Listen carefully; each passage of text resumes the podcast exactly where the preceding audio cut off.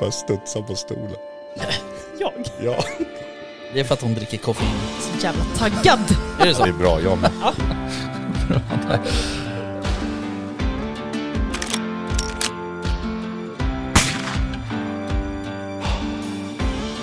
Var det lite mer liksom Sound of Music-vildsvin? Ja, men liksom...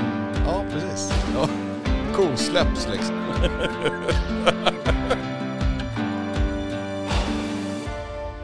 Jaktstugan Podcast presenteras av jaktvildmark.se, Latitude 65 och iCross.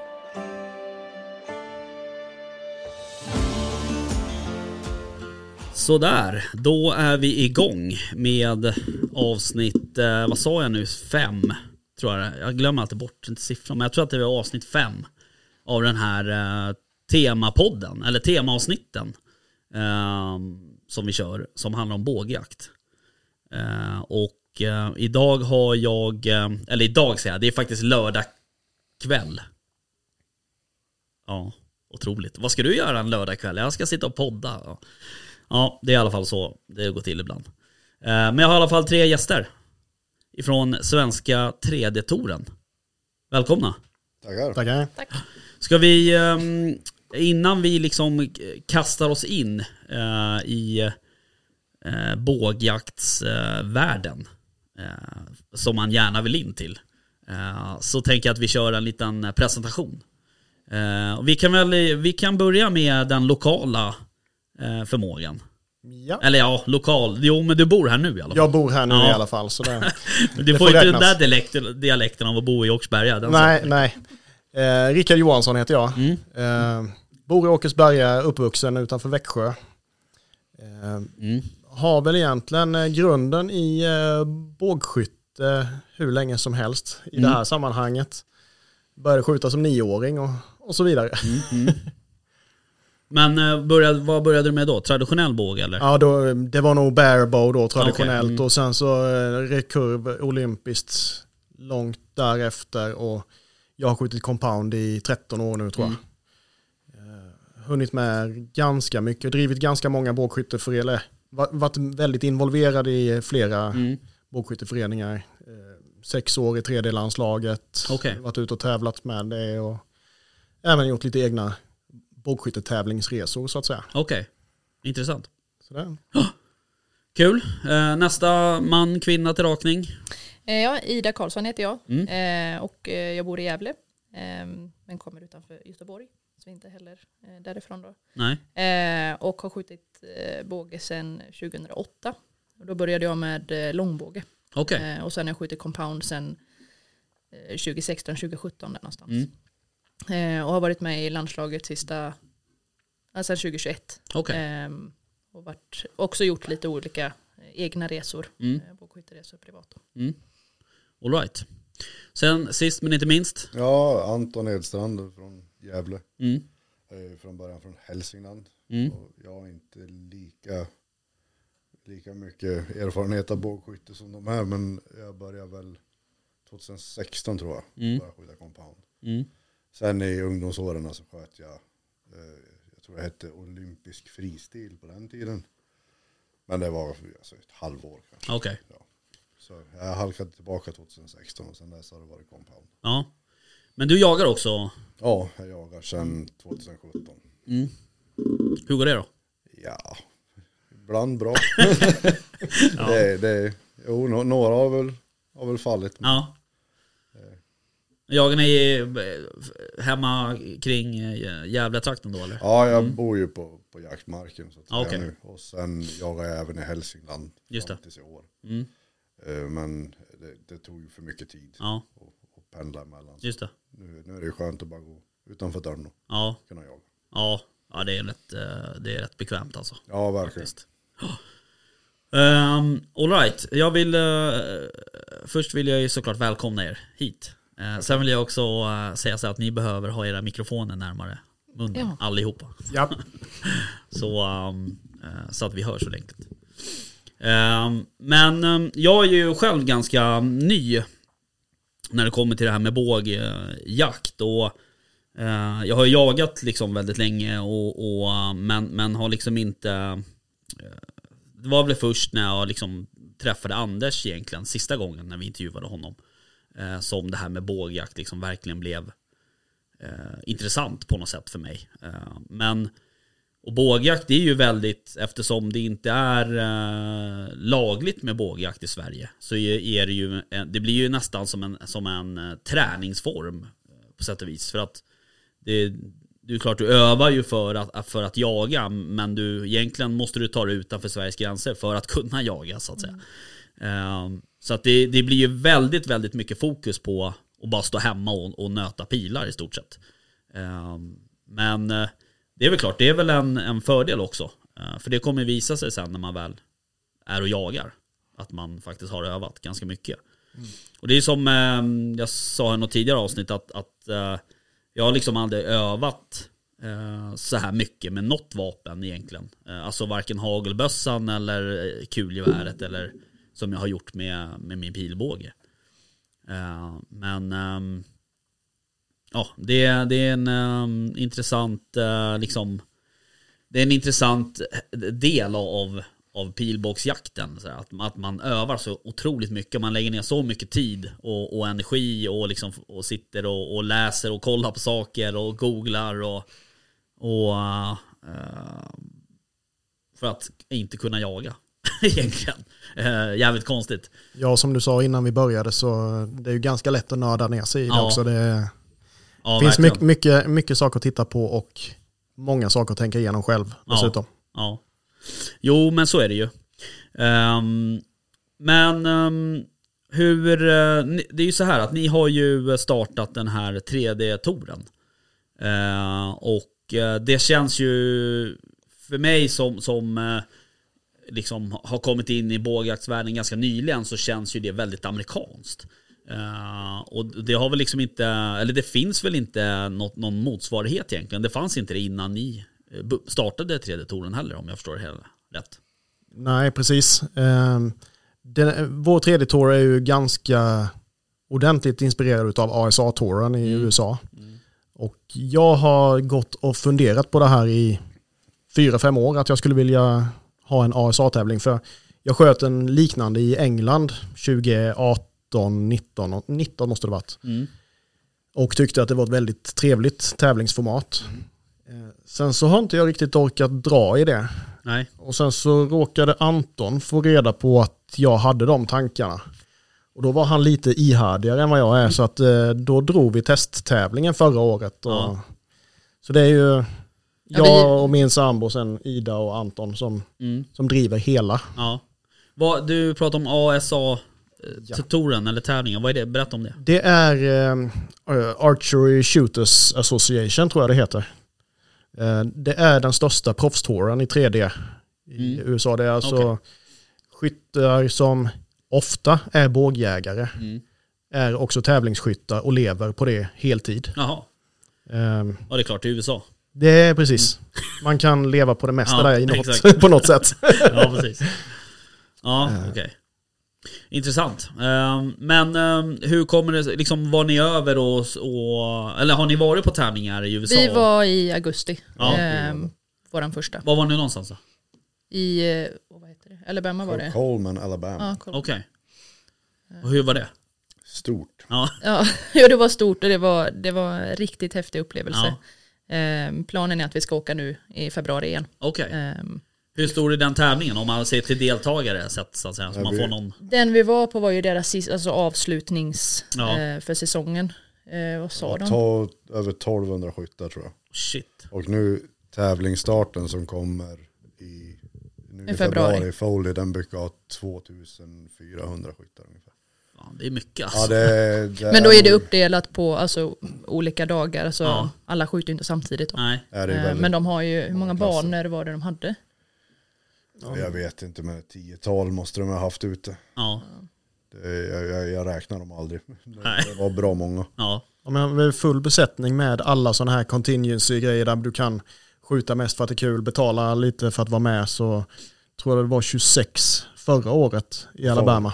Ja, Ja, Foley. ja. Okej. Ja, det är, det är klart, alltså såklart, det går inte att jämföra USA och Sverige och sådär. Men, men det, man, där inser ser man ju också att Det är så otroligt stort. Uh, och, och, och också bågjakt i USA är ju en naturlig del av, av liksom jaktvärlden så att säga. Eh, men det är klart att de hade väl kanske varit stora även om uh, Alltså även inom eh, tävlingsskytte så att säga. Eh, men hur är det att åka på en sån här en, en tävling då, då i, i USA?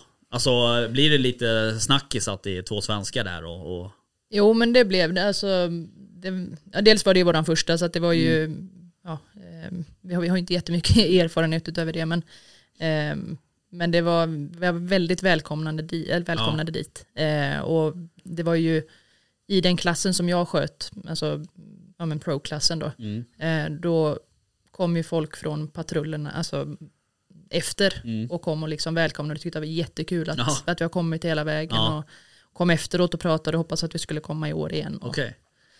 Ja, det var, då var ju det de skyttarna vi, vi ser upp till liksom. Ja, ja, som jag knappt visste om jag skulle våga hälsa på. Nej. Nej, det var, det var ju toppskyttarna i hennes klass som Ja. kom fram och liksom fick höra att de var från Sverige. Det vart ju en snackis för du var ju med, du låg ju topp fem en sväng så du var ju med på de där plakaterna. Så det hade ju blivit en snackis där. Ja, Sen stannade jag tyvärr inte kvar. Nej, du, du slutade på något Det behöver vi inte. Nej. Ja fan, ja men kul. Ja, vi insåg ju nu i november när vi var i Holland att de faktiskt hade haft koll på att du hade varit där utan att vi sa det dessutom också. Ja, så det, det var, det var också spännande för att ehm, ja, men, jag hade liksom inte någon tanke på att Nej. de hade koll på mig. Nej. Men, ehm, Nej det har man ju oftast inte sådär. nej. Men, men det är klart, det är ju, det är ju, det är ju liksom en liten eh, liksom värld så att säga. Eller det är klart att det, det sticker ut lite säkert. Eh, nu vet inte jag hur Sverige placerar sig tävlingsmässigt överlag så att säga inom bågskytte. Men, men eh, Jag skulle säga att vi är ganska bra. Jo, Kollar man exempelvis på barebow så är vi väldigt duktiga. okej. Ja. vi är bra men få om man säger så. Ja. Så det är inget större intryck på världsbiten Okej. tyvärr. Nej. och sen är det ju många av eh, de här proffsen på, på 3D som där det kanske många gånger inte är värt att åka på de här VA-tävlingarna. Nähä, okej. Ehm, eller ja, de, de tjänar ju pengar i ASA då. Ja, Ehm, med prispengar och sådär. ja, Så att- aha, okej. Då är det inte liksom, då får man välja lite sina. Eller ja, de, det är inte många gånger, eller många gånger så dyker inte de upp på Nej. VM till exempel. Nej. Och VA är då Ja, just det. alltså, det, det, är det bågskytteförbundet i världen som OS ligger under till exempel. Ja, okej. Eh, Där är 3D inte så högt rankat men ASA så är det bara 3D som gäller. Jaha. För de här tävlingarna i USA, det är väl bara, är det, skjuter man på 3D-mål då? Alltså 3D-djur så att Ja. säga? Ja. Ja. Okej. Eh, jag tänker att vi, ehm, vi kommer lite till det där med 3D-djuren. För det där var väl en liten issue eh, när ni drog igång 3D-touren, hur ni räknar poäng och så vidare. Det var, ni hade lite Ja, problem med att få, få förmedla det. ja, det kan man säga. Ja, men jag tänker att vi, vi, ehm, vi kommer till det. Men hur många tävlingsklasser finns det? Alltså, är, eller är det för många för oss att gå igenom så att säga? Ja, det okej. är massor. Men om man tar de vanligaste då? Eh, Man kan säga så här, i i en vanlig World Archery eller Bo- Svenska Bågskytteförbundets tävlingar, tar man alla skjutstilar och alla åldersklasser så tror jag det är 71 klasser. Okej. Så den första klassen är då, nej jag ska. Ja, vi tre kommer ju alltid pre- premiera eh, compound i alla fall eftersom Ja. det är det vi Ja. skjuter. Ja, så det, Ja men är det också sådär att compound kanske har liksom 13 kla- olika klasser och, och Barebow har 13 olika klasser? Det som Alltså- ASA har är ju också alltså både märkt och omärkt. eh, okej. compound ja, att man får exempel. avståndsbedöma själv eller får använda rangefinder. Okej. Mm. Okej, okej. Och sen om man vill, vilka, om man vill skjuta i pro-klass eller Ja. ehm, semi-pro skjuter vi. Ehm, Ja, jag säger ja. ja. Ehm, och vi har ju, vi har ju tagit, inte alla klasser har inte vi Nej, tagit. det, det, Ehm, fin, det finns inte folk i Sverige för oss. nej det finns Nej. ingen för att då, då blir det som en, en person i varje klass. Ja. Just det. Nej okej.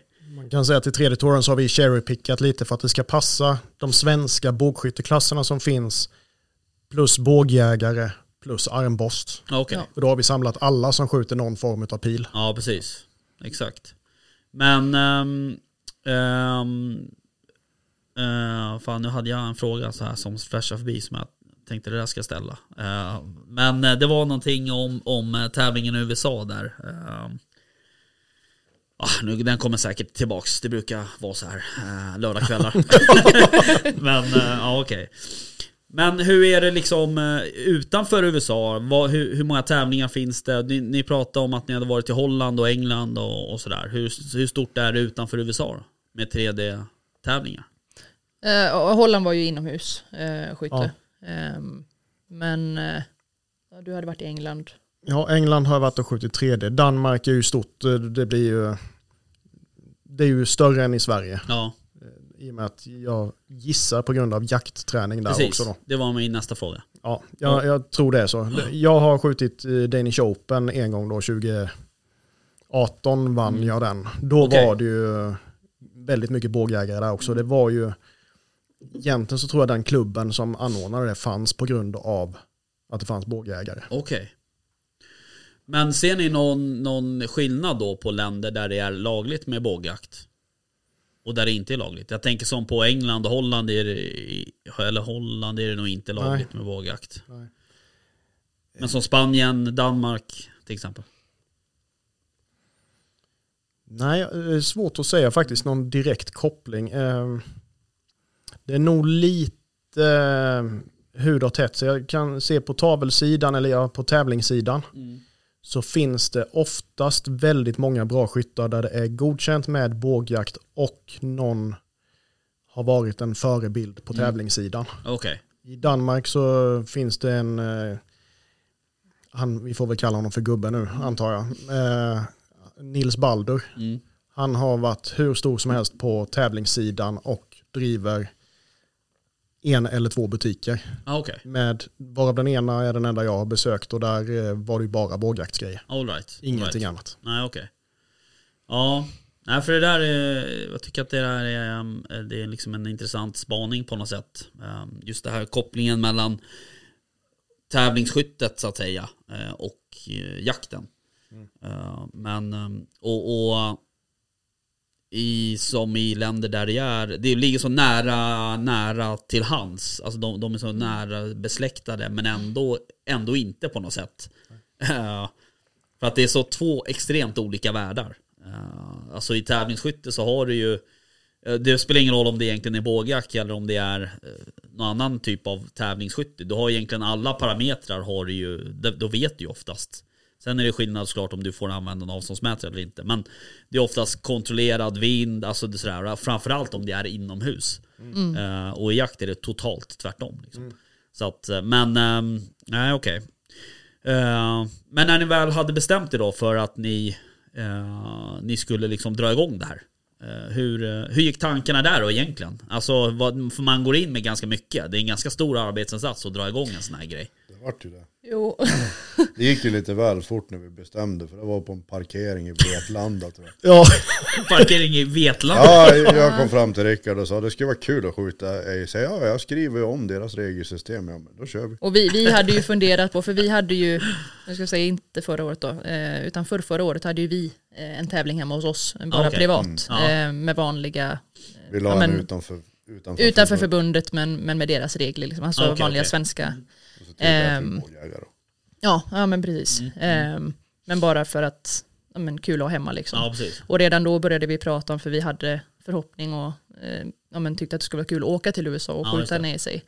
Ehm, så att vi hade ju börjat prata om det innan. Så när sen då Rickard började prata om att han hade översatt hela regelverket, Ja. då, ja, då gick det fort. Ja. ja, då är det liksom inget att fundera Jag vet på. inte riktigt om vi hann med i allting, eh, att vi faktiskt gjorde det, eller om det bara blev att vi gjorde det och så. ganska mycket löste vi on the fly sen också. Ja. Det, det, de sista dagarna innan vi skulle hålla tävlingen när jag var uppe hos er, för testtävlingen hölls ju hos Anton och Ida. Mm. Då löste vi rätt mycket så här, men hur gör vi med det? Vi bestämmer att det är så här. Ja, Precis. Det var väldigt skönt. ja men det, Ja. vi hade ju gått ut med att det var en testtävling, dels, Ja. dels för, för oss, men också för att se om det fanns något intresse. För att det. vi ville ju ha en tour med flera, flera tävlingar. Ja. Alltså, så. Ja. Eh, men att ha det redan förra året när man inte visste intresset. Nej. Eh, det, Eh, Men kände ni varandra sedan innan eller hur? Ja. Ja, okej. Ni har träffats Vi på har tävlingar. tävlat ja. tillsammans Mm. Jag och Ida har varit iväg på landslagsuppdrag tillsammans Okej. och så. All right. Eh, ja, precis. Ehm, nej, men som sagt, det är ju det är en ganska stor grej liksom att dra igång. Eh, hur var liksom... eh, hur var nerverna inför, ha- hur gick det med anmälnings till första tävlingen? Var det många som anmälde sig eller hur? Ja, vi, vi Hade... hade... så här, helvete, det är bara vi tre plus grannen där borta. Två Nej, nej men det... Jag kommer inte ihåg hur det var i början. Det var så det ett tag. Ja, det var lite segt i början tror jag. Ja, vi sa att eh, kommer det inte fler än 25 så ställer vi in. Ja, Ja, för då blir det för mycket Och jobb. då var för- vi rätt nervösa att det inte skulle komma några alls. nej. Ja. Sen helt plötsligt på några veckor på slutet David så bara haglade det in eh, anmälningar. Så då blev vi nervöst för att det var många istället. Ja, Då jag, var vi tror tvungna att vi, prestera. jag tror vi hade satt ett tak på 50 förra året va? Eller? Jo, det hade Eh, vi nog. och vi Men vi hade- var lite över en sväng med. Lite över och sen några avhopp så att vi, Ja. vi landade runt 50. Ja. Men hur har ni, har ni, eh, ni har anpassat reglerna lite efter svenska förhållanden så att säga? Ja. Hur, hur har ni gjort det? Jag har ju pratat med en del bågjägare Ja, och frågat vad de tycker i, ja i reglerna då. just det. Så vi skrivit dem efter vad, vad jag har fått för svar Ja, i princip. ja okej. Och vad, Ja, för att locka. Och vad vi tycker också givetvis. Ja, vad vi, vi tycker också. Ja, Men, men eh, ja, det enda, enda vi behövde fippla lite med var ju en sån här quivilizer då, för att den är ju längre än vad regelverket sa original. Jaha. Att det får vara framåt. I, Okej. stab, i stabblängd. då. Ja, just det. Så den har vi ju godkänt nu. ja, Okej. det var bara det och någon detalj till. Och sen Ja. Samma sak på armborstsidan så var det amerikanska regelverket sa en väldigt låg hastighet, utgångshastighet på den. Mhm. Som är svårt att följa i realiteten om man skjuter med tavelarmborstarna som finns här i Sverige. All right. Så där har vi justerat. Sen i barebow, eh, olympiskt, traditionell långbåge så har vi gjort att det är samma regler som i eh, Svenska Bågskytteförbundet egentligen. Mm. Så att folk inte ska behöva justera sin utrustning för att delta hos oss och sen försöka Nej. skjuta uttagningstävling till Nej. VM helgen efter. Liksom. Nej, precis. Nej, det ska inte vara krångligt. Nej, alltså, nej. Nej, och det är ju heller inte bara att skruva av ett lock på kikarsiktet och bara så här klick, klick, klick så Nej. är man tillbaka. Nej, det kräver lite mer. Ja, okej. Men då, um, ut, utöver det då, regelverket ifrån USA, jag kan tänka mig att det är väl, eh, är det enormt eller? Egentligen inte. ska jag Nej, det var inte jättestort från början, Nej. men låt säga att det kanske var ett, eh, med alla klasser, eh, precis allting sånt som inte ens hade varit applicerbart i Sverige, så eh, tror jag det var 15 sidor. Och nu när det är uppdaterat på svenska till oss så är det 5 A4. Mm. För alla klasser, allting. Okej.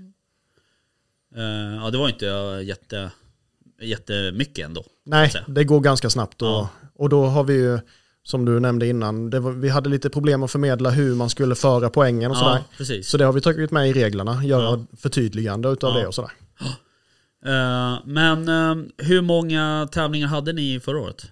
ja, det var bara en test. Ni hade en, Ja. och det var den här um, i- som låg i jordåsen? Ja, Ja. det är där vi bor.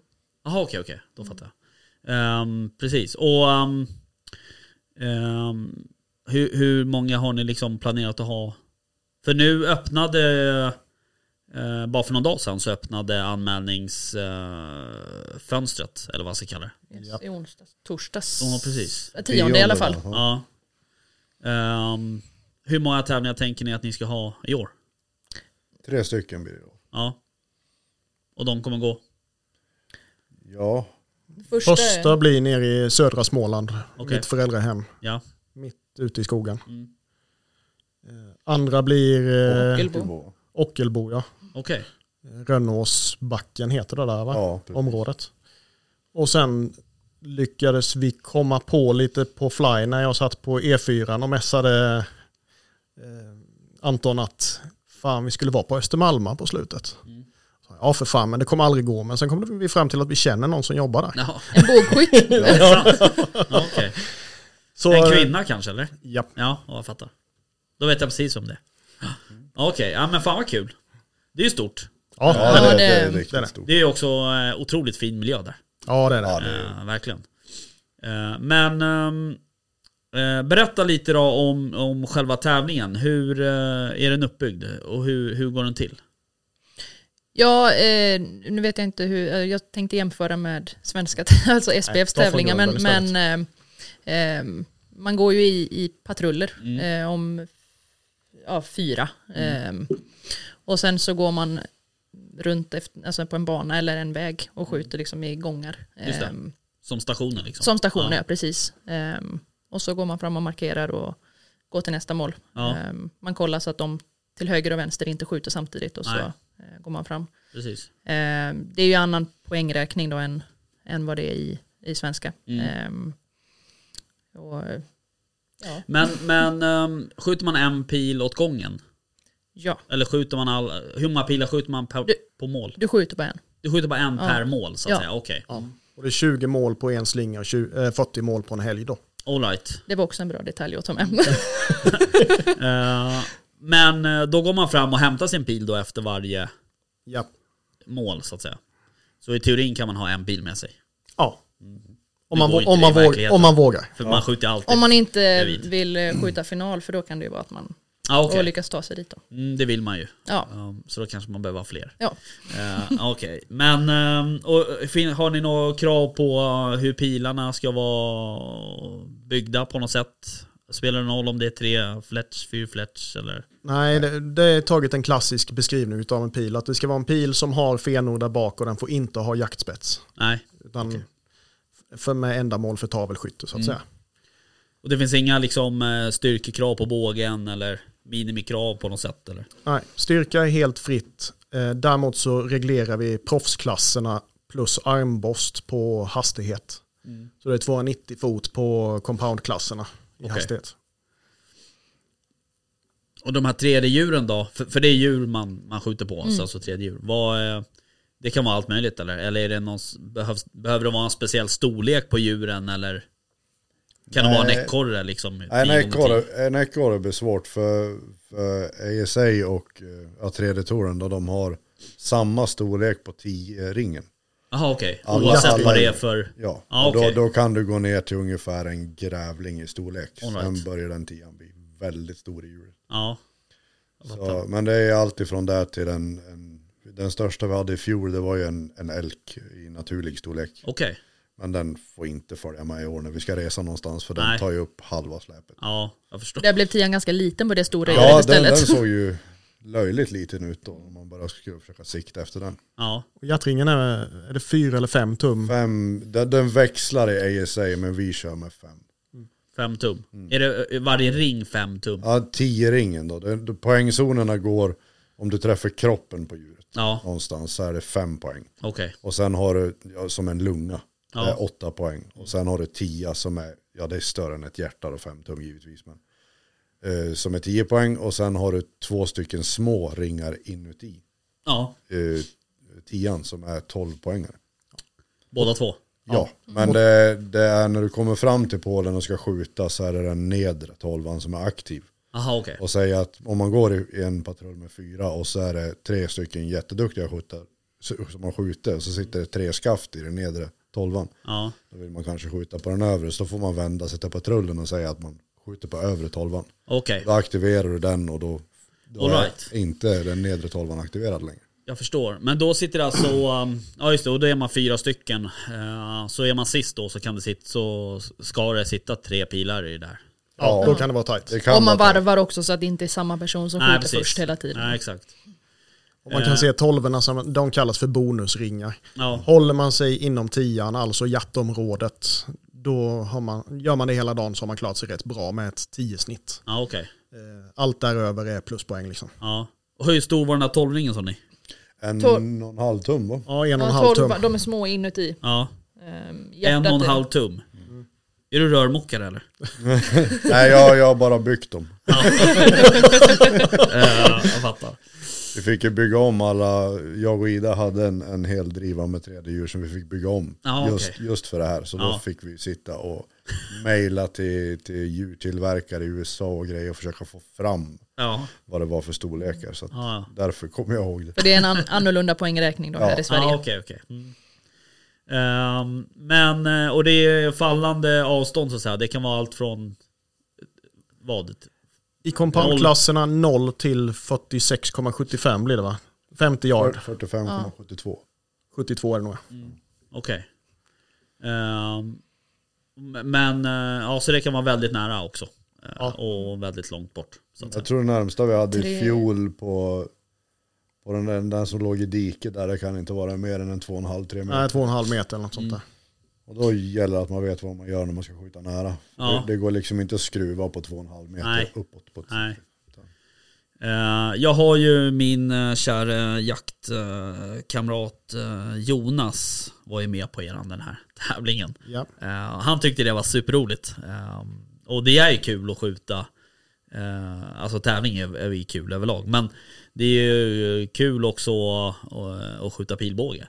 Men det blir också en, eh, det blir en annorlunda grej också. Som vanligtvis är man kanske en eller två stycken som åker ut till någon 3D-bana någonstans. Eller, om man, eller om man står hemma och sådär. Men han tyckte att det var, han var jävligt nöjd. eh, och sådär. Men så jag vet att han han pratade ju om att det var, han var också förvånad över att det var så mycket folk ändå. Eh, för att eh, det var väl ändå, nu har ju ni en Instagram-sida och så vidare och så. Eh, men han tyckte ändå att det var ett liksom, bra jobb att få ut till så många ändå. Hur har anmälningarna sett ut? Nu öppnade den i torsdags eller vad det var. Men, men hur har anmälningarna sett ut hittills? Det trillade in lite grann där i starten. Ja, det, det, Och nu har det pausat av lite. Ja. Men det är ju, jag menar första tävlingen är i april. ja, Vi, vi ja, är ute i väldigt god tid och det Ja. brukar ju i vanlig ordning vara så här sista veckan innan eh, anmälningen Ja. stänger. Då börjar de ju hagla in på riktigt. Ja, precis. Nu har vi ju sagt ett maxtak på 80 per Ja. tävling. Ja. Eh, med 80 deltagare då. Eh, så, och det, det blev ju väldigt positiva responser förra året Ja. efter den tävlingen. Eh, vilket också gör det väldigt roligt att fortsätta och utöka det som vi, det som vi ville från början. Ja, visst. Men har ni, vad har ni fått för respons ifrån eh, Bågskytteförbundet då och, och eventuellt Svenska Bågjägarförbundet? Bågskytteförbundet har ju varit positivt. Eh, Vi hade ju faktiskt två stycken förbundskaptener som var och sköt hos oss Okej, förra året. Så- det är kul. och de är väldigt nöjda. Den ena sa direkt, eh, ja, han fick en liten preview att vi skulle öppna var Ja. tävlingarna skulle gå och Ja. lite hur det skulle se ut. Och han sa, jag kommer direkt. Så det, han är på hugget. Ja, Ja. Ja, och Bågjägarförbundet var ju också positivt inställda. De la ut den tävlingen på Mm. deras hemsida. ja för jag vet att Olof var väl på... Olof var där, Ja, Olof var där. Mm. och så några till ifrån. Ja, jag tror nästan hela styrelsen var väl där. Ja, det var väl någon som saknas tror jag. Men eh, jag har väl någorlunda regelbunden kontakt med dem och det låter som att det kanske kommer ut i år igen. Ja, Så de är fortfar- fortfarande positivt inställda. ja. Nej, men det är bra och det, det är ju liksom... Det gynnar ju eh, allas sak egentligen. Eh, alltså även, även eh, Bågjägarförbundet och, Bågskytteförbundet. Ja. Eh, såklart. Och, och det är klart att det kan ju bli också en sån här grej att, att för ni gjorde ju, om jag har förstått det hela rätt, så gjorde ni det här utanför bågskytteförbundet. Utan Ja. det här är någonting som ni gör, ni fyra. Ja. Eh, då kan det bli lite sådär, eh, liksom kinkig stäm, stämning liksom sådär att... Jo, de det, det har vi varit. att- Det är ju absolut in, ingenting vi vill. Eh, Nej. och vi tävlar fortfarande för Svenska Ja, Bågskytteförbundet precis. och vi, vi har varit väldigt måna om att kolla så att inte det krockar med några stora tävlingar. Nej, alltså, nu är det ju tävlingar i stort sett varenda helg Ja, i Sverige så att ja. någonting kommer att krocka men att det inte krockar med, ja, med uttagningstävlingar eller eh, för att vi vill, vi vill samarbeta. Liksom. Ja. Men det, Nej men det är bra och det, det är bra att man också kan, kan se det på det sättet. Att, att man liksom kan samsas så att säga. Ja. Ja, vi är inte konkurrenter, vi är Nej. mer Nej. ett komplement. Ja, Ja. Ja, och som vi har nu så har vi ju dels så tycker vi att vi kan öppna vägen till Bågskytteförbundets tävlingar genom Mm. att släppa in bågjägare för där, där det inte finns någon klass idag Nej. egentligen. Så att de ser tävlingssidan och kan bli intresserade av det och Mm. då gynnar det på det sättet. Och så har vi samtidigt varit lite luriga när vi har lagt våra tävlingar att den lokala bågskytteklubben håller fiket åt oss så att de kan ta del av de Ja. pengarna så att säga. De, de blir gynnade på lokal nivå i alla fall Ja. när vi är där. Hur har ni liksom, eh, ni kör det här själva, men har ni några samarbetspartner, sponsorer eller hur får man ihop det här liksom rent ekonomiskt? För jag menar, ni ska ändå ha ett visst antal 3D-djur som blir lite så här halvt sönderskjutna varje säsong så att säga. Och sen ska det åkas eh, till, det ska åkas till Ockelbo och det ska åkas till Småland och så vidare. Sponsorerna idag är eh, min egna firma Ja, Idas firma och sen Bågar och Pilar inne i stan, Okej, mm, butiken. just det. All right. ja men då, då får man lite hjälp liksom. Eh, Ja. Annars så kan det ju vara, för det kan ju också vara en, en tröskel att komma över. Så, Ja, ja, ja, ja. så är. Startkostnaden är ju rätt hög. Nu hade Ja. vi tur att ni hade Ja. så mycket 3D-djur hemma. Ja, Och förra året så körde vi ju väldigt budget på allting annat Ja. istället. Så ja, att, Ja. Okej. Ehm, ja, för de där 3D-djuren är ju inte, alltså de är inte gratis. Nej, vet- jag vet inte om det är någon Väljer du annan. att slänga en ESA-ring på dem så är de ännu dyrare. Ja, det är så. Ja. Det är nästintill dubbla priset. Fan. ja, det finns tre Nu har vi eller räknat fyra. ut att det är mycket frakten till Sverige som är... Ja, Ja, men när vi var över i USA så frågade ju vi lite grann om det gick att köpa där då. ja, Och det var väl var det, 500 dollar i frakt ja, till Sverige. ja, Så att det går liksom, Och det var väl per djur det. ja per djur. ja. Så de, Nej, de det- går ju nog, vad går de billigaste på? Strax under 6000 eller något sånt där. ja. Ja, Ja, det är- jag, jag köpte två djur förra året och det gick på 17 000. Ja. Ja, det är... Så det är ju, det man bygger ju ut hela, man bygger ju ut hela tiden. Alltså, Ja. Det är ju vår, vår tanke att Ja, eh, byta ut djuren eftersom. Ja. Men, men ehm, precis. Hur många stationer var det? Var det 40 stationer, sa du? ja, över helgen. Ja, så, ja, just det, 20 per dag. Ja, precis. Eh, och då bygger ni om banan, alltså efter, efter dag ett så att säga? ja. Ja. Jaha. Vilket jävla jobb. ja. det är det. Unisont. Fast, ja. den är, fast den är ju eh, till stor del uttänkt innan. Ja alltså, såklart, men ändå. Någon ska springa med de där lämlarna, Ja. eller nu var det inte så små djur, men eh, den där älken. Ja, Det det, blir du Anton. ja precis.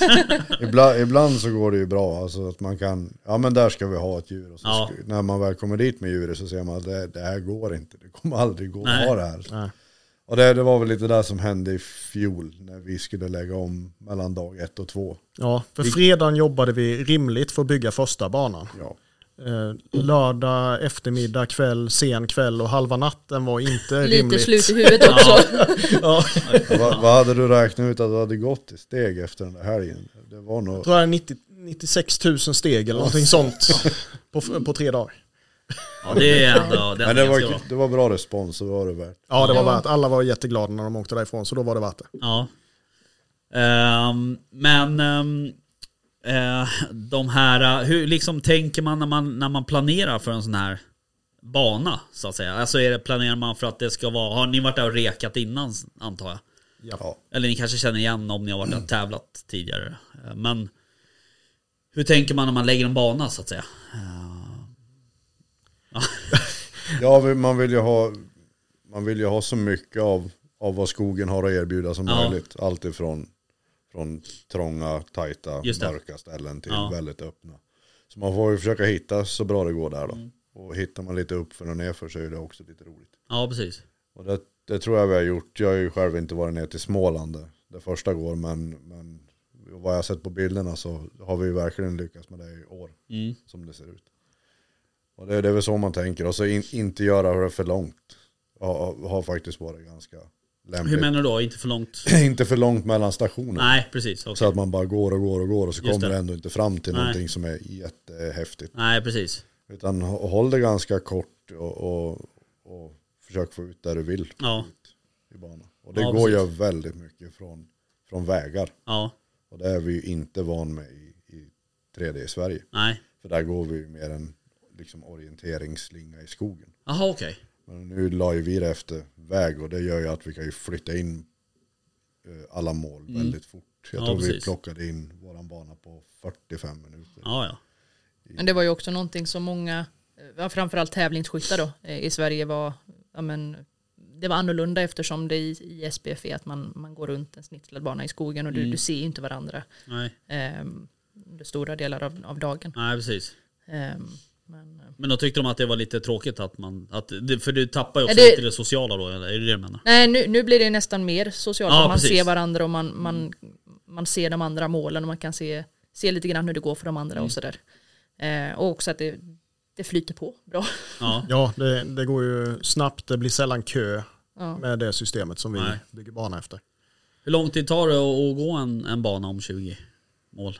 Det står ju i reglerna E- det Enligt. ASA-regelverket ska det ta tre och en halv timme. Ja okej. Vi gjorde nog det på fyra och en halv eller fem med lunchpaus. Ja. Okej. Och när vi Och- var i USA var vi på tre och en halv, fyra. Ja, Ja, Det, är ändå, det, alltså, det är ändå en ganska bra promenad så att säga. ja det är det. Mm. det, är det. Ja men um, vad kul. Hur uh, kommer det sig att ni liksom stannade vid tre tävlingar då? Fanns det eh, liksom... Jag tycker ändå att ni kunde ha lagt den här någonstans. Jonsberga. Eh, det är väl orken på oss fyra som Ja. arrangerar. det var Eh, väl de där 96 000 steg. Ja, ja, Gånger tre. Räcker Ja. att göra det gånger tre gånger. Ja, precis. hade man inte behövt jobba och dessutom försöka ha lite egen bågskyttesatsning och familjeliv och sådär så, så hade det nog blivit fem tävlingar om året. Men vi kanske hade behövt vara dubbelt så många då. Ja. Och skulle underlaget finnas så kanske vi kommer dit. Mm. Men eh, ja i dagsläget på, så är det rätt långt bort. Vi har ju haft en testtävling och det var Ja, bra precis. respons men vi, vi är faktiskt fortfarande på första året med det riktiga liksom. Ja, vi har precis. Tänkt, så att, Det här blev egentligen första riktiga säsongen så att Ja. säga. Ja. Ja. Och uh, hur ser det liksom ut för, för de som hamnar på någon form av pallplats då? Vad, vad kan man förvänta sig där? Det beror på vilken klass du skjuter i. Men, Ja. men om man tar, det, det som är nytt för i år det är att vi kommer att ha pro-klasser i, Okej. i compound, eh, traditionellt och långbåge. Och märkt compound. ja. Och märkt compound, ja precis. Och tar du då, då kommer de efter de 40 målen då, som är grunden. De fem bästa går till final. Mm. Och där, ja, det kommer en, en till poängring in i spel då. Och så skjuter man, är fem mål. Och är man 10 poäng inom ettan så skjuts även ett sjätte mål tror jag. Ja. Ett shoot-off mål. Ja, precis. Och Aha, då, okej. då kommer ettan, tvåan, trean att få pengar. Mm, Okej, Prispengar. alright. Och är den här finalen som kommer gå på Östermalma då eller? Den kommer gå efter varje tävling. Jaha okej. Ja. Mm. ja, det är var, varje är ju en deltävling då. Ja okej Ja. okej. Mm, då fattar Så jag. att man måste inte anmäla sig till alla tre, vill man åka på en så. Okej. Och prispengarna baseras på hur många anmälda det är i klassen. Så Ja. att, eh, I ordinarie startavgift då 500 kronor, det är att vara med på tävlingen. Mm. I pro-klassen så är det 500 kronor till som går in i eh, vinstpotten då. Mm. Och så fördelas den totala potten på 50% till vinnaren i klassen, 30% till tvåan och 20 till trean har jag för mig att vi Ja, det- något något det- det liknande sånt. Där Ja, ja. Det står på hemsidan i alla fall. Ja, ja. Eh, Jaha, men, men och, och är det någonting annat man behöver liksom kvalificera sig för eh, om man vill anmäla sig till pro-klassen? Nej, det är Nej. egentligen bara då finns ju hastighetsgränserna och ja, du behöver följa det regelverket som finns. Okej. Men det, det är inga, inga kvalificeringar upp dit Nej. så att säga. Nej. Ja, okej. Ehm, ja, men fan vad intressant. Um, vad fan tänkte jag på? Um, um, fan, nu börjar jag bli trött här känner jag. jag har ju också varit och jagat idag. Ja, vi har tävlat idag. Ja, precis. Ja, exakt. Eh, Men eh, hur har liksom, eh, jo det var det jag tänkte på. Hur har eh, intresset sett ut ifrån eh, typ Danmark och de, alltså våra grannländer och sådär? Vi har, jag vet att vi på Facebook och Instagram har följare från Finland. Där har ju, eftersom jag har varit i landslaget flera år så känner jag ju rätt många av de finska toppskyttarna och de vet jag att det finns intresse hos. Danmark har vi spridning i, Norge har vi spridning i. USA Eh, har vi. Ja. Tyskland tror jag också. Eh, ja, Tyskland har jag fått förfrågningar från. Eh, vi har fått lite uppmärksamhet från Frankrike som sa Mm. kolla vad de gör där uppe i Sverige. Det vore jävligt coolt. Ja. Eh, Och så även USA då. Ja. Eh, ja. Och de tycker det är skitroligt att Ja. vi försöker ta det där till, Ja. till Sverige då. Ja. Det är lite utav den långsiktiga drömmen om det här skulle funka är att det här blir den europeiska 3D-touren. Okej. Men då, då, har vi, då är vi rätt långt bort Ja. i drömlandet. Ja, ja, ja.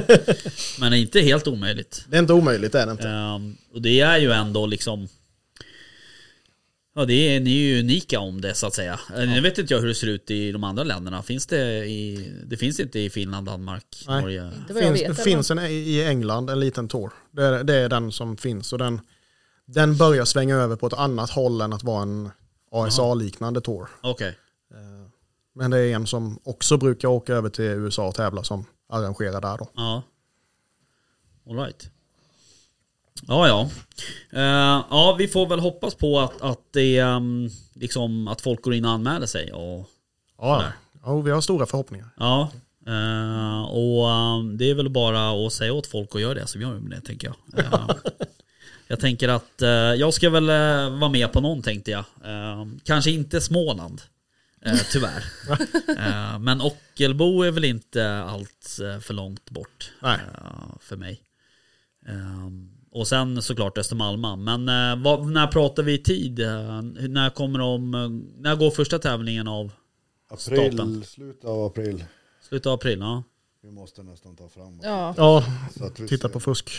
Titta på fusklappen. Ja. Det vi har sagt är att detta är ju platserna för detta året. Ja, precis. Gillar vi en plats väldigt mycket så kanske den återkommer nästa år. Men det kan också bli helt nya platser. Bara baserat på vad vi får förfrågningar. Ja. Och, eh, Hur funkar det då? Får ni liksom, går ni ut och säger så här, vi skulle behöva ha en sträcka?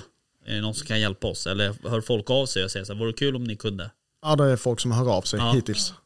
Ja, Okej. vi har fått väldigt mycket förfrågningar och haft på, på olika ställen Ja. Ja, Det är jättekul. i Sverige. Ja. Och ja, första går eh, 20-21 april Mm. nere i Småland och sen går Ockelbo eh, 6-7 juli Ja. och finalen nere på Östermalma går 31 augusti till 1 september. Okej. Ja men det är ändå, um, det är, det är ändå en ganska bra spridning så att Ja. säga. Vi la ju som sagt, jag som Ida var inne på tidigare, vi vill ju inte krocka med, Nej, med de, de vanliga bågskyttetävlingarna. Så nej precis. det är därför vi är ute i god tid och så har vi lagt dem där vi vet att det är ganska fritt i alla fall. Ja, Och försöka också ha lite, att inte ha alla på samma ställe. nej Ehm, precis. Nej men det är ju, det är ju klokt. Men, men sen, det är klart att, att ett ställe som, som Östermalma är väl eh, trevligt att vara på såklart. Eh, Men, men någonstans så måste det ju, man måste ju vara där dit folk vill åka också. Så att. Ja. Så att, ehm, eh, men ehm, ja, Sverige är långt så att. Hur ser det ut norrut då? Alltså Ockelbo är inte jättelångt norrut. Eh, om jag får säga vad jag I, tycker. Men, bo- I eh, bågskytte-Sverige så är det väldigt långt norrut Ja. skulle jag säga. jaha det är så? Ja, Ja. det är det. Okej. Så Alltså, det är nästan så att Stockholm är norrut i bågskytte-Sverige. ja ibland. Ja, Eh, ibland. Ja, Framförallt men i skogstävlingar. Jag skulle säga Ja. Gä- Gävle, Ockelbo, ja, Sundsvall möjligen. Men sen Om man säger det 3D-tävlingar så är väl Gävle och väldigt, Ockelbo. väldigt glest uppe. All right.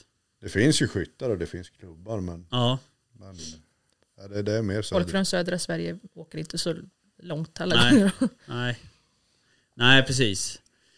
Nej, då är det väl kanske eh, enklare att åka åt andra hållet. Ja. Alltså att man hell, kanske hellre åker över till Danmark och skjuter. om Ja, man bor precis. söderut. precis. Det, och hela, om vi säger, ta Skåne som exempel, då kan man både skjuta där det finns väldigt mycket klubbar i Skåne, så det blir många tävlingar. Mm. Sen har du ju väldigt nära till Göteborgsområdet. Just det. Du har Småland, Halland, eller så åker du över till Danmark. Ja. Men alltså man får väl hoppas att folk eh, ändå liksom vill åka och är man ett gäng, alltså det är en rolig grej också sådär, är man ett gäng från sin lokala bågskytteklubb eller vad det kan vara, kompisgäng och så det är bara att packa bilen och åka liksom. Ja, precis. Och um, det stöttar ju också de lokala, den lokala bågskytteklubben Jo. såklart. Och det är ju en viktig del. Men och sen är det ju så mycket utanför eh, själva skyttet och tävlingen också, Mm. alltså det sociala. Eh, och också som vi har varit inne på att men, bågägare kan inte tävla inom Svenska bågskytteförbundet som det ser ut nu. Eh, men att få ihop det lite grann Ja. då med, med tävlingsskyttar, eh, byta lite erfarenheter och, och sådär. Och det, det märkte vi ju förra året, det var många som, som bodde kvar eh, med husvagn och husbil och sådär. Eh, och på kvällarna så, så var det ju ja, men, väldigt socialt och Ja. Ja, ja, ja. eh, Ja, trevligt. det, bågjägarna testade tavelbåg, tavelskyttarna testade armborst. Ja. Det var liksom Ja. ett Ja, men det- virrvar utav eh, Precis. Det provskjutningar. bara flög pilar. Ja. Ja. Hur var det i USA då? Var det samma liksom eh, uppsluppna stämning där så att säga? Alltså var det liksom... ja med, med tanke på vad de tävlar om för pengar så var det väldigt avslappnat. Ja, Ja, okej. Jag gick ju Eh. med Ida när hon sköt. Det, det ska vi också få in att, att även om man kanske inte känner för att komma och skjuta så får man gärna komma och titta. ja, ja, absolut. För det, eftersom det går eh, efter en väg så är det väldigt lätt att vara publik. Då, Ja, om du känner för att du vill komma och titta. just det. Men så jag gick ju med som publik när Ida sköt och, Ja. och de gick ju och skrattade och skojade och grejer. Och Ah.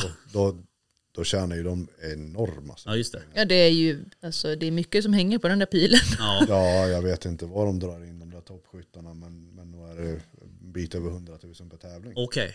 Och det, det, det var som, Ja, det var, jag var förvånad just eftersom det är Ja. sådana pengar det handlar Ja. om. Ehm, och så olikt, kanske också eftersom i Sverige så, så går man efter snitt, man ser inte varandra på samma sätt så det blir ju inte samma sak. Men, men eh, man försöker liksom här att man, ja, men när de andra skjuter då är man lite tyst. Man är inte knäpptyst men man, man kanske står och viskar lite eller Ja. sådär. Eh, men där det var ju tjo och och det var skrattande och så kom det någon patrull efter, ja ni har ju roligt i alla fall. Ja. Det var liksom, ehm, Ja, Nej, men det är, det, är- det är väl lite dit man vill också såklart. Alltså det ska ju vara lite sådär. ja, ja men det är socialt och men det var en roligt väldigt avs, avslappnad stämning att vara där. Fast det är det, det är ju det absolut största i 3D-världen skulle jag säga. Ja, Mm. Redding kanske om man räknar det som 3D. Men, men annars är väl det i sig det största. Ja, alltså i och med att det är en hel cirkus runt det så att säga. Okej. Och man kan väl säga att det är lite av vårt mål med tävlingen är att det inte bara ska vara en tävling utan det ska vara ett event också. Just, Just det. att ha biten runt omkring. Ja, precis. Ja för där bygger de ju upp som en liten, eh, alltså typ ATA-show. Alltså där okej. de visar upp grejer. Just det. När jag och Ida var där så släppte ju både eh, var det Matthews och Darton som släppte sina nya bågar. Jaha. där på plats. Nej inte PC, det var Darton och, Ja. och Matthews tror jag. Okej. Och så då har ju, du kan ju gå och handla grejer där. Ja. La- Lancaster är där. Just det. det är väl världens största bågshop. Ja. Och det, det, de- de flesta bågmärken, de flesta sikterna, de flesta pilhyllorna Ja. har ju en egen liten vagn där som Ja. du kan gå och handla i. Och sen hade de ju där också, ja men just det här runt omkring, för alla skjuter inte samtidigt. Och Nej. även där var det ju barn med. Och det var, för det är det också som är så roligt inom bågskyttet, att det är ju det är så olika åldrar på Ja. de som är med och tävlar. Man kan, man kan tävla mot eh, pensionärer och Ja. alltså sådär. Ehm, men eftersom inte alla skjuter samtidigt så har de också i USA då ehm, team shoot som man kan anmäla sig till. Eh, och då blandas skyttar, alltså juniorer eh, med pro-klasser, med, alltså Okej. från alla. Eh, och även en, en märkt som man kan gå när man vill, hur många gånger man vill. Och tävla, alltså lite tävlingar vid sidan av. Ja. Eh, där är ju inte vi, för vi är fyra pers. Men, Ja, eh, men, ehm, men det, det är just så mycket runt omkring. Ja. Det är liksom inte bara de här 20 pilarna per dag. Utan Nej. Ja nej, bör, du kunde ju skjuta hur mycket du ville. Ja. Kom dit, för det fanns ju hur mycket price Ja. som helst. mm. Okej. Ja för det där ser man ju när man, eh, om man kollar på någon amerikansk bågjägare, så här, typ elk shape eller någon sån där. Alltså om, om åker de på en sån där, då är det liksom, ja men det är som en liten mässa precis som du säger, eller, någon, eller eh, en marknad typ. Eller liksom så här, de har sina stånd där de står och kränger sikten och allt Men möjligt. det är nog tack du tänker på då tror jag. Ja det är möjligt. Ja, det är ju någon annan, jag vet inte riktigt. Total Archery Channel, Ja, Challenge ja. Den, Ja. den är väl ännu mer event. Så den, den Ja, kan okej. man se som en helt öppen tävling. Och, Ja. där, eh, och har ju blivit jättepopulär. Ja. Ja men man förstår det också för att det, det, är liksom, det ger ju också någonting annat utöver själva tävlingsmomentet så att Ja. säga. Det blir ju det blir ju som en mässa och all, all, det är ju roligt att gå på mässor för man träffar likasinnade och man kan köpa grejer och, och allt. Ja. Äta popcorn och så. Men eh, så att man förstår att det blir, att det blir populärt. Ja, Ja, men vad är, är nästa steg här nu då? Nu har ni öppnat um, um, anmälningarna. De börjar rulla in. Uh, och uh, vi får väl hoppas att folk anmäler sig här vartefter. När stänger ni anmälningen för... Uh, två veckor innan varje tävling. Okej. Så att det är olika för varje tävling. Ja. Men så Smålands uh, tävlingen där. Ja, det blir väl eh, första helgen april tror jag. Ja, okej. Stänger den. Ja, Men det är precis. nio anmälda så det är typ 10% av platserna så att det ska nog kunna gå bra. Ja. Ja, efter tre, fyra dagar. Så. Ja. Så det, det, det känns eh, bra, men sen vet vi också, eller jag vet inte hur du och Sofia jobbar, men jag och Anton jobbar ju också lite grann att man, ja just det, vi skulle anmäla oss till den tävlingen Ja, också som precis. går nästa vecka. Så Ja. att Ja. man, Så jobbar alla. Ja, ehm, och det var ju det vi märkte förra året också när vi var lite oroliga i början, men sen kom de ju på slutet. Ja, precis.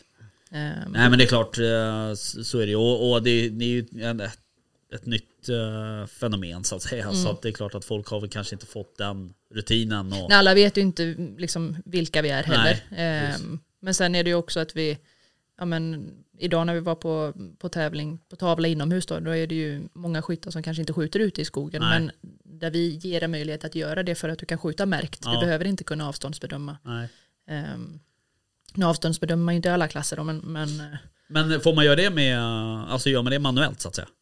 Eh, av, ja, du gör ju det själv i de Ja, omärkta klasserna, men i märkta klasserna får du avståndsmätare. okej. Och den måste du ha med dig själv då. Ja, precis. Mm.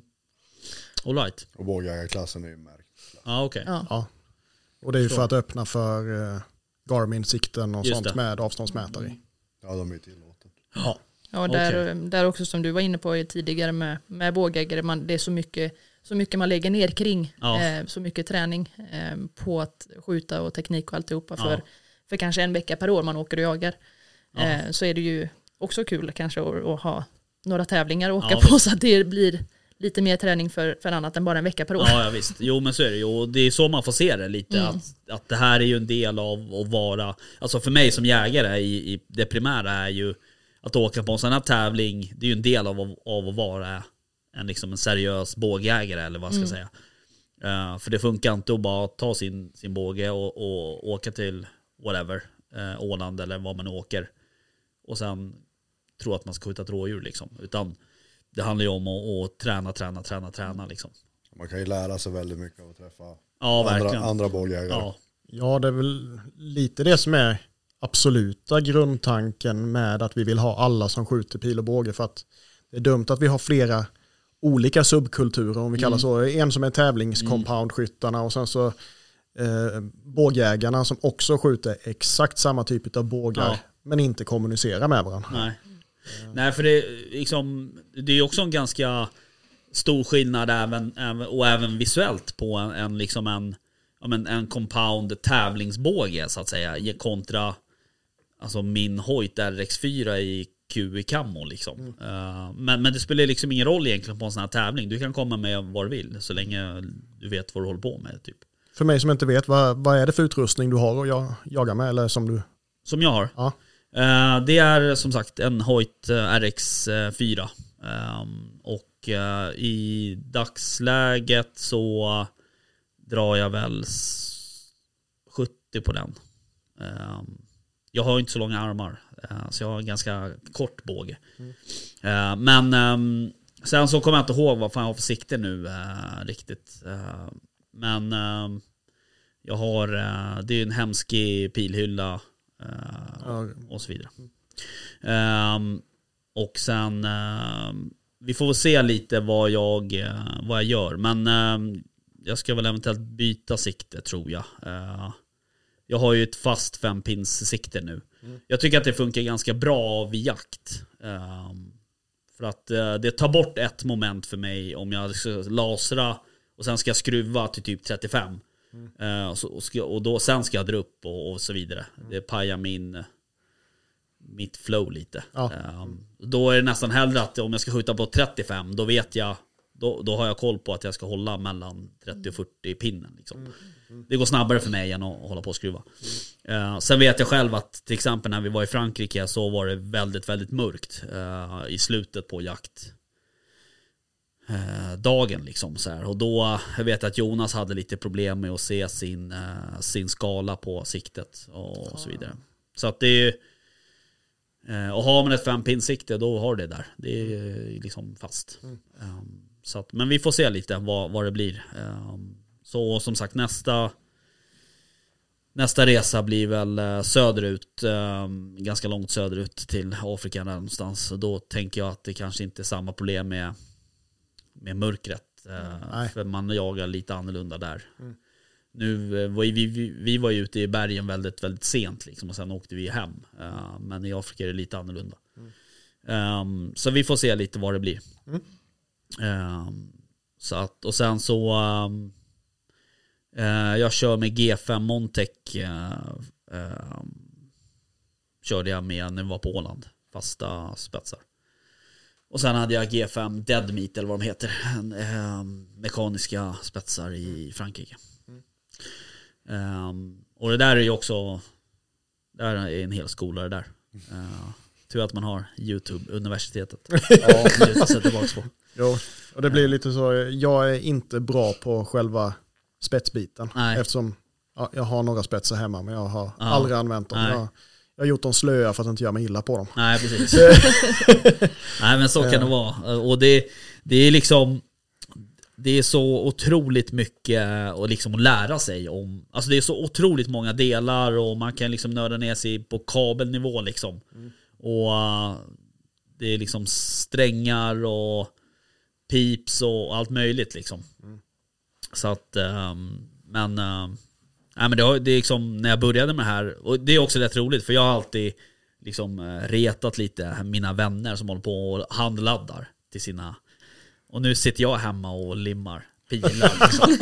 Eh, Så att det har ju liksom slagit över lite Men eh, Men det är ju extremt roligt och, och det är ju också kul Och liksom göra någonting nytt eller flytta någonting och sen testa och, och gå ut och skjuta några pilar för att se hur det liksom resultatet blev och sådär. Eh, Men ehm, eh, däremot så kommer jag behöva byta min sträng. Så jag tänker att det ska du och jag prata om sen. Off kan vi göra. air. Det kan vi göra. Men, eh, nej men så är det. Vad, eh, men jag kan ställa samma fråga till er. Vad har ni när ni tävlingsskjuter? Vi tar det som skjuter med för tillfället. Jag Ja. skjuter en PSE Dominator 38. Ja, Eh, sikte från eh, Shibuya. okej. Stabilisatorer från Conquest Archery. Mm. Pilar har jag... Jag skjuter nästan alla märken på pilar nu. Ja. Beroende på om det är inomhus 3D eller Ja, sådär. Det är, in, jag är inte sponsrad så då väljer jag det som jag tycker är bäst från varje Just tillverkare. Mm. Jag drar ju ganska långt istället. Så jag Ja. ligger ju ganska nära 60 pound men 30,75 i draglängd. okej. Så att jag får ju ut rätt bra hastighet Ja. ur det mesta. Ja. Jag, eh, d- ja, vad har jag i draglängd? Alltså jag har ganska, vad kan jag ha? 26 och en halv eller något så här. Mina små ankarmar. T-Rex. Exakt. Eh, men, ehm, eh, men jag har också funderat lite på det där eh, om jag, för att ehm, jag har inga problem att dra upp 70. Eh, så jag funderar på om jag kanske ska, nu vet inte jag om, om den här hojten jag har kanske går att ställa högre, men jag funderar på om man kanske ska testa och dra upp till 75 eller 80 kanske till och med. Eh, Men jag vet inte, alltså jag, för, jag har för dålig koll och jag vet inte om jag tjänar något på det i slutändan. Eh, För du ska också kunna träna med det. Eh, Och det är, det, det är ju det som är... Jag vet ju att vissa liksom går ner mellan typ jaktresor, för nu relaterar jag till det. Eh, Att de går ner till så här 50-60 typ. Och sen så inför en jaktresa så går de upp till 70. Eh, Men samtidigt så, och jag förstår det tänket, men samtidigt så känner jag så här, då är det väl kanske bättre att träna så att man kan ligga på 70 hela tiden. Ja. Men jag vet inte. ja, Folk får göra som de vill.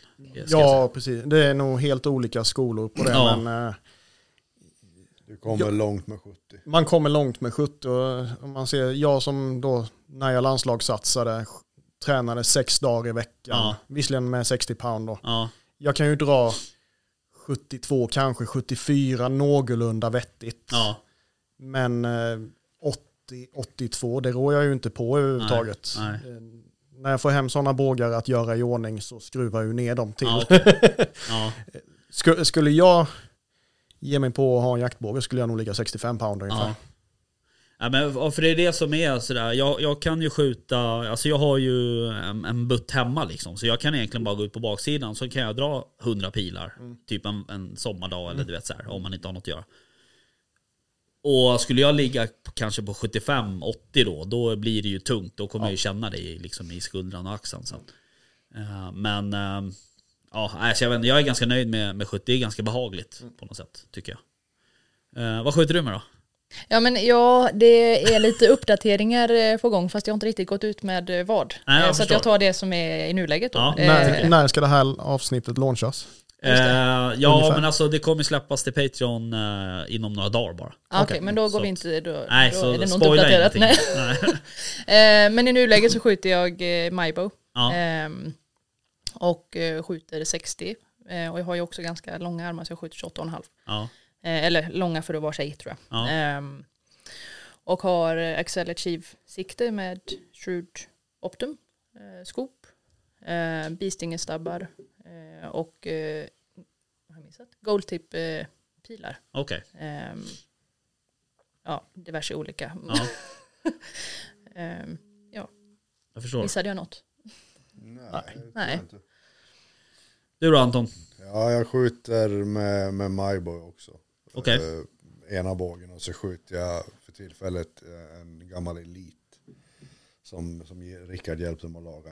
Han- är väl från 2014 eller något sånt där. Mm. Jag skjuter också Beestinger och Goldtip eh, i stabbar och pilar. Okej. Jag skjuter CBE i sikte och Shrewd i skop. Och så har jag hemska hyllor. Och sen har jag även en jaktbåge, en eh, Bowtech Red Max.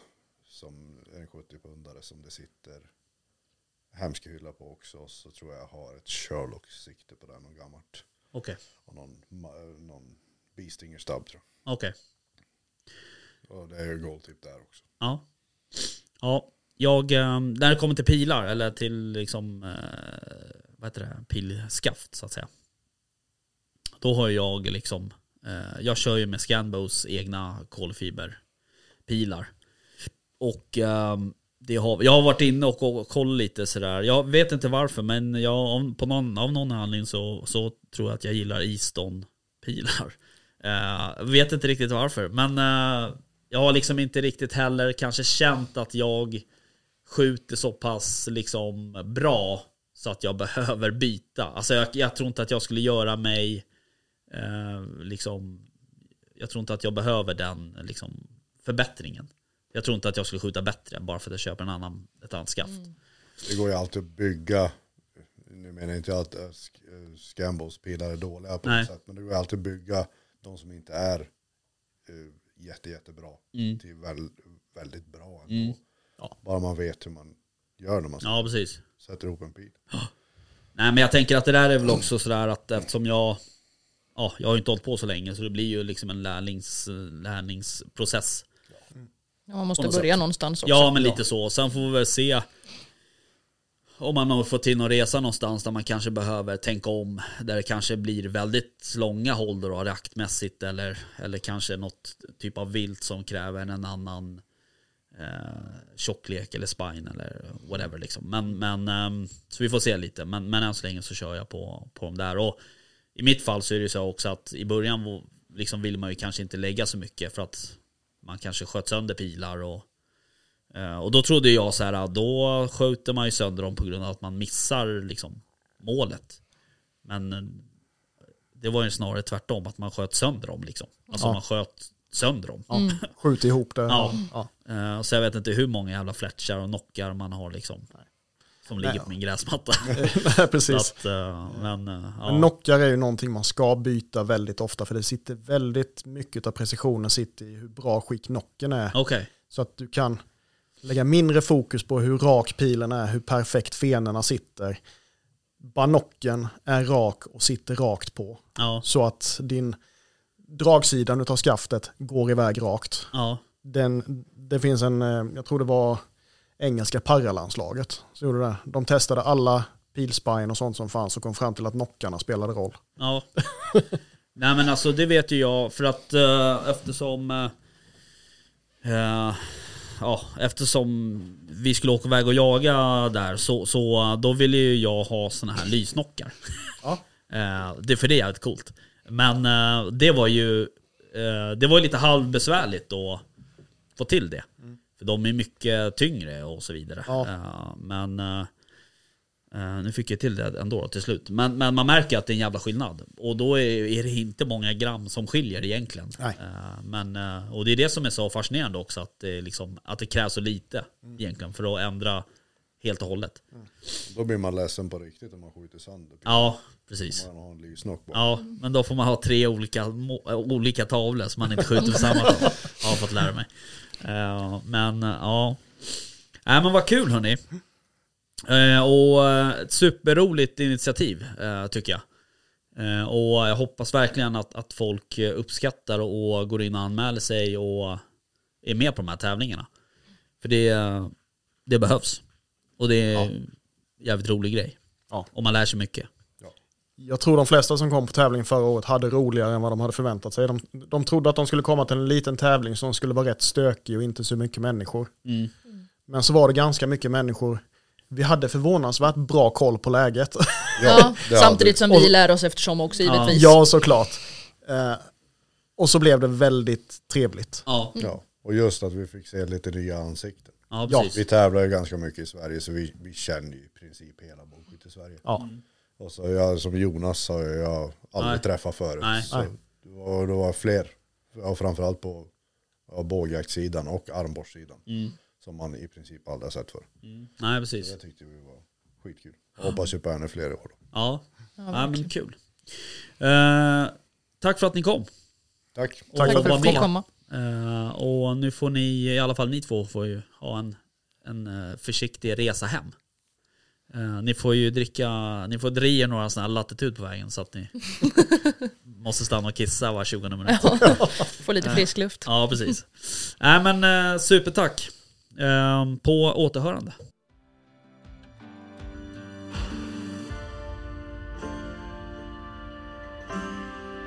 Jaktstugan Podcast presenteras av jaktvildmark.se, Latitud 65 och iCross.